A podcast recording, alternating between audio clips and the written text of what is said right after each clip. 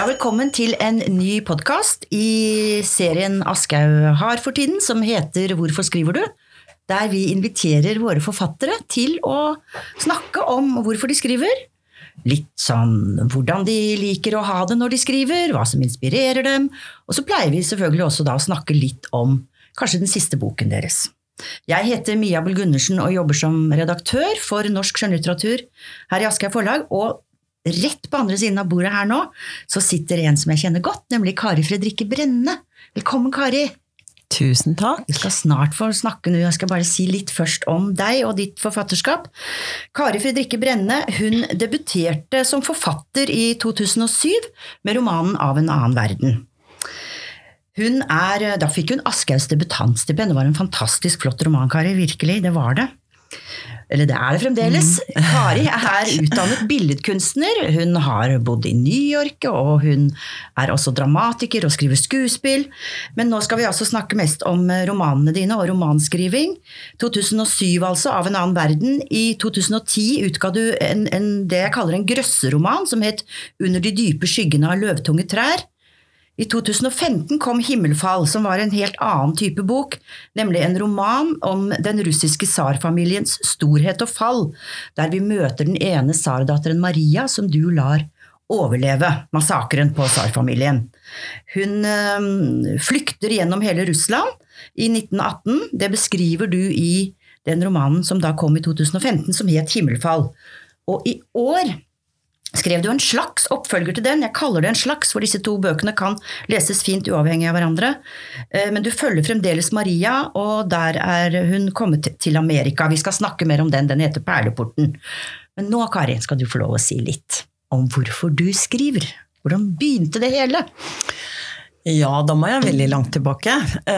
For altså, jeg hadde jo en far som var fryktelig god til å fortelle historier. Rett og slett. Og han hadde jo opplevd så vanvittig mye ting i løpet av livet sitt. Ja. Så han fortalte jo de, alt Fortalte jo så mye spennende. Hva slags, hvilke, hva, kan du bare si litt? Hva var det han hadde opplevd? Han hadde vært Han hadde vært Han hadde jo en gammelfar. Ja. Så han hadde vært student, arkitektstudent i Tyskland under Hitler. Oi. Han opplevde krystallnatten. Når han var student i Tyskland, så ble han smittet med tuberkulose. Og kom hjem og måtte tilbringe flere år på sanatorium. Hvor han så liksom alle sine venner da, etter hvert dø. Ja. Eh, han jobbet i motstandsbevegelsen under krigen og gjorde forferdelig farlige ting. Mm. Kari, dette er i- romanstoff. Ja, det er det. Ja, det, det det. er det det. er det. det, er det. Ja. Ja. Ja. Ja. Jeg skjønner, så du, du ble inspirert av det. Ja, det gjorde jeg jo. Også, også det var, var han jo også veldig flink til å lese for meg, da. Mm. Eh, han leste jo Astrid Lindgren, og Emil fra Lønneberget var favoritten. Ja. Så jeg tror det, det kommer liksom derfra en sånn åre til å fortelle historier. Mm. Og når jeg ble ungdom, så var liksom eh, dagboka var jo en, eh, var jo en stor eh, hjelp til å klare å komme gjennom eh, ungdomsårene. Mm. Jeg skjønte at det å, det å skrive var en veldig god hjelp til å tenke. Ja. Så Og det var vel også noe jeg, når jeg tok denne billedkunstutdanningen, så, så savnet jeg jo litt det etter hvert. da, Ja. Å faktisk gå mer inn i det tankemessige, det å fortelle, fortelle historier. Og det syns ikke jeg at uh, billedkunst nødvendigvis er så Nei, egnet Men du til. valgte det først. Da du skulle finne en utdannelse, så valgte du billedkunsten. Ja, jeg tenkte jo på å søke sånn skriveskole, og jeg hadde jo en forfatterdrøm allerede fra jeg var liksom 15 år, men, Ja. men jeg hadde jo ikke noe hadde jo ikke så mye å fortelle da. Eller jeg hadde ikke noe som jeg hadde ikke noe form på det ennå. Så det tok jo ganske mange år før det kom, Ja. og før jeg følte at jeg hadde noe ordentlig å melde. da. Ja. Men så har du skrevet veldig ulike bøker, syns jeg. Du har ikke skrevet så mange, men du har skrevet veldig ulike bøker. Og i de to siste så har det altså vært dette med den russiske revolusjonen. Og du, altså I den forrige himmelfall var det Russland og den russiske revolusjonen. Og i årets bok, 'Perleporten', så er det Amerika, men det er altså knyttet sammen med denne karakteren som du har valgt deg, nemlig den ene tsardatteren, Maria. Ja. Hun er jo død, hele tsarfamilien ble jo drept, det vet man vel nå, selv om det har vært noen sånne teorier om at en av dem eller to overlevde. Ja. Men hvor, hvorfor dette stoffet, Kari? Hvorfor det russiske først? Kan du si ja, litt det om det? Det russiske det er også det sånn, også vel kanskje litt sånn øh, skadet. øh, For moren min hun var jo ganske spesiell. Eh, Ja. Hun, hun var Jeg vil vel kanskje nesten si at hun var sovjetkommunist. Moren din var Ja, sovjetkommunist. og en meget borgerlig sovjetkommunist. Ja. Hun, hun har jo ikke akkurat noe sånn Hun likte jo å leve et hyggelig og, og ordentlig og borgerlig liv. Ja. Men hun hadde på et eller annet tidspunkt tatt en uh, barnepedagogikkutdannelse, og så hadde hun dratt til eh, Sovjetunionen og blitt så fascinert av deres barnepedagogikk. og og, og syntes de var så flinke med veldig mange ting, og etter hvert så tok det veldig over at, at de var veldig flinke i Sovjet i det hele tatt med alt omtrent. Ja. Sovjet var et veldig veldig bra sted, og derfor dro vi også mange ganger til Sovjetunionen i min barndom og ungdom. Kari, du har opplevd mange ting. Ja, ja jeg har vært ja. Men på hvilket tidspunkt var dette at dere reiste til Sovjetunionen? Var det på 70-tallet og sånn? Ja, det var på 70-tallet. 70 og- 70-80-tallet. En eh, tre-fire ganger. Eh, Så eh, det var jo det, var, det er jo litt morsomt å ha opplevd Sovjetunionen, for Kari, det er jo så er jo utrolig annerledes nå, da. Ja. Ja. En roman til. En roman til? Ja, nei, ja, men altså, dette Ja. kan du jo også skrive ja, det om. kan jeg mener også skrive om. Jeg Ja. kan også skrive om det. Ja, Ja. da, ja, da, ja. Men altså da Russland og, Sar og, og revolusjonen og Maria. Ja. Ja da. Eh, denne her historien om den overlevende tsardatteren var jo også noe faren min fortalte når vi var på disse reisene. da. Akkurat. Om eh, Anastasia og sånne ting. Ja, ikke sant? Eh, ja. Og så gjorde jo jeg en del research, eller etter hvert svært mye research, og så fant jeg ut at hvis det var noen som hadde overlevd, så var det Maria. Ja. Og broren Aleksej. Ja.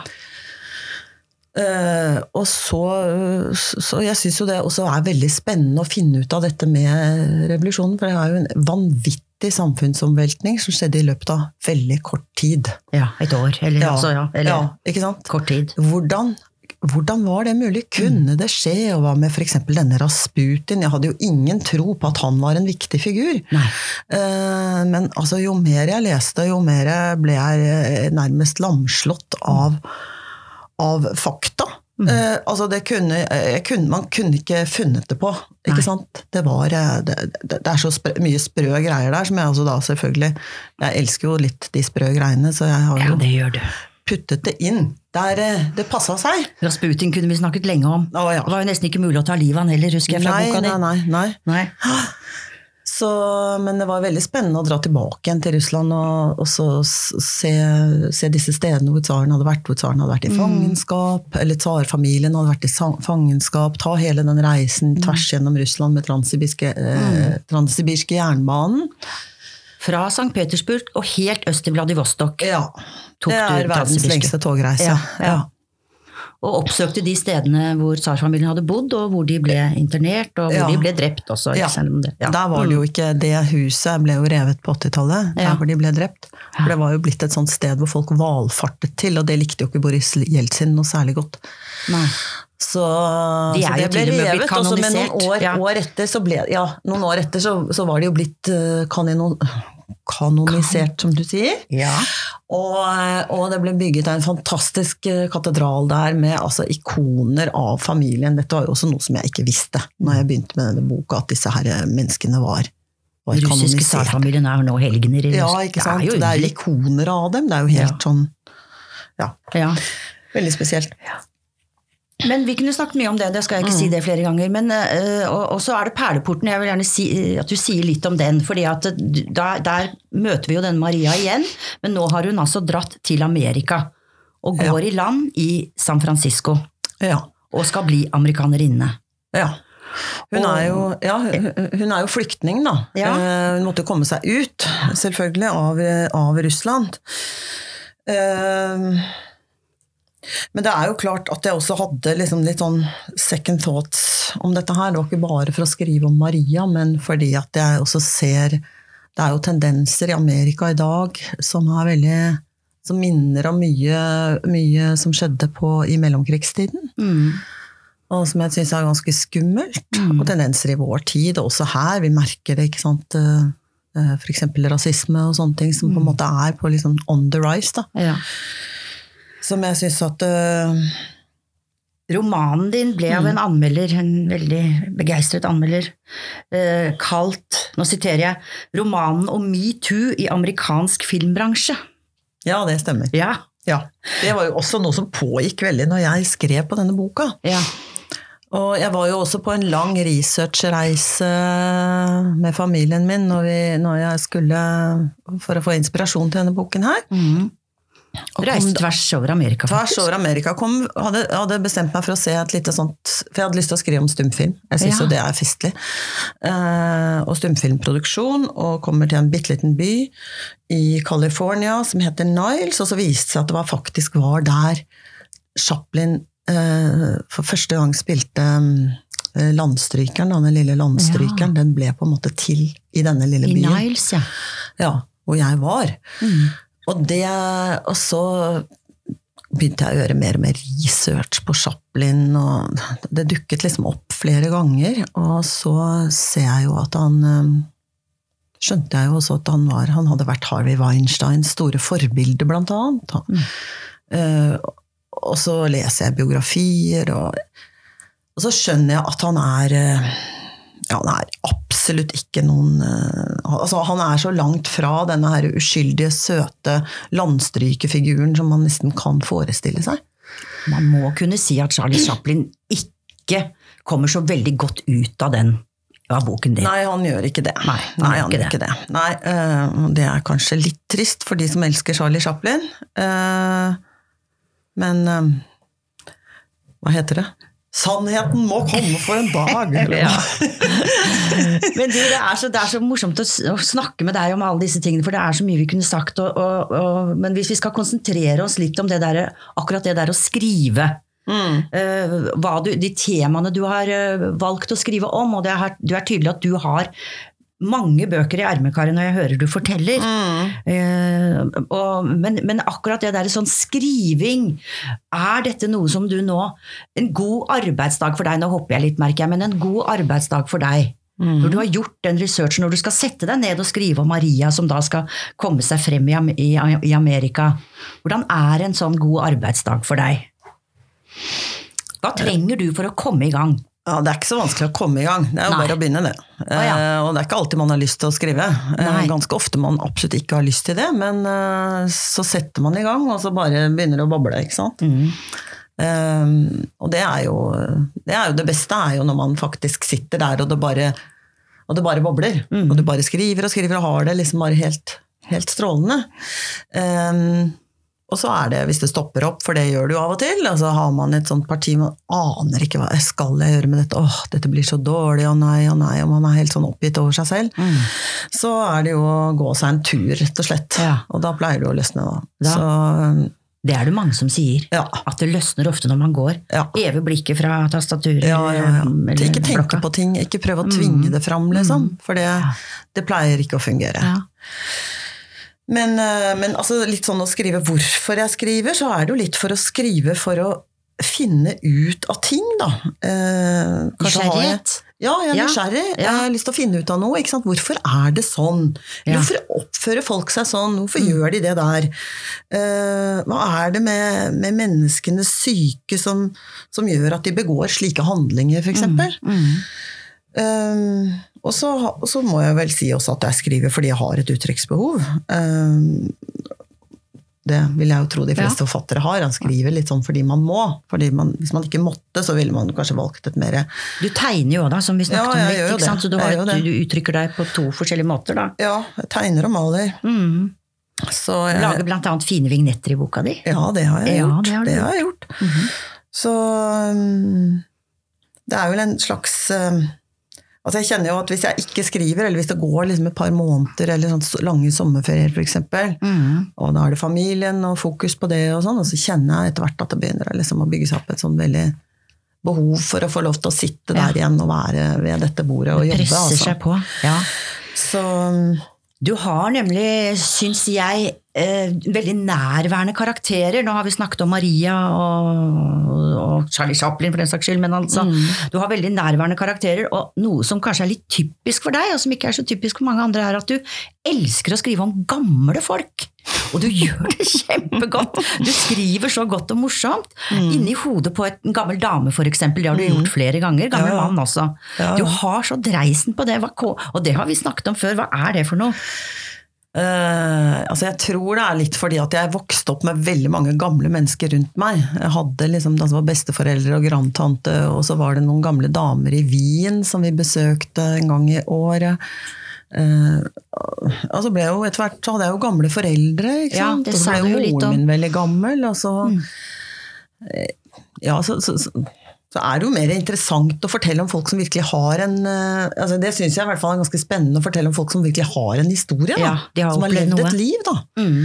Eh, så ungdommen er jo muligens kanskje litt overvurdert, på en måte. Har Sånn- ikke opplevd så mye ennå.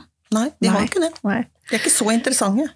Men tror du det der at du klarer å skape sånne levende karakterer også har å gjøre med at du faktisk er dramatiker da, og skriver skuespill og er, og er trenet i det der å skrive dialoger? Eller monologer og ja, altså jeg, gikk jo, jeg gikk jo på et sånn utrolig et, et, Det var egentlig kanskje der jeg virkelig lærte å skrive. Det var et, et månedskurs i manus i USA. eh, hvor vi skulle skrive ett spillefilmmanus på en, altså på én måned, og på engelsk. Oh, ja. Jeg trodde jo jeg skulle bli sprø. Ja. Men da lærte jeg en del om, om det der å, å ikke sant, Du kan ha en karakterbasert historie, eller mer en konseptbasert historie. Mm. Eh, Eller high concept, kalte de det. da. Men jeg syns jo at eh, karakteren, at i karakteren så finner du på en måte ofte fortellingen. ja. En karakter har en, en drive, ikke sant? en vilje til et eller annet, og, og, og møter gjerne kanskje motstand på veien, og så, og så er det da en eh, Så vil dette på en måte si seg selv ganske mye da, når du blir kjent med dette mennesket. Eller som Henrik Ibsen sa, han, han, ville, han forestilte seg at han satt i, et, en togkupé, innestengt i en togkupé over et visst jeg husker ikke hvor lang tid, da.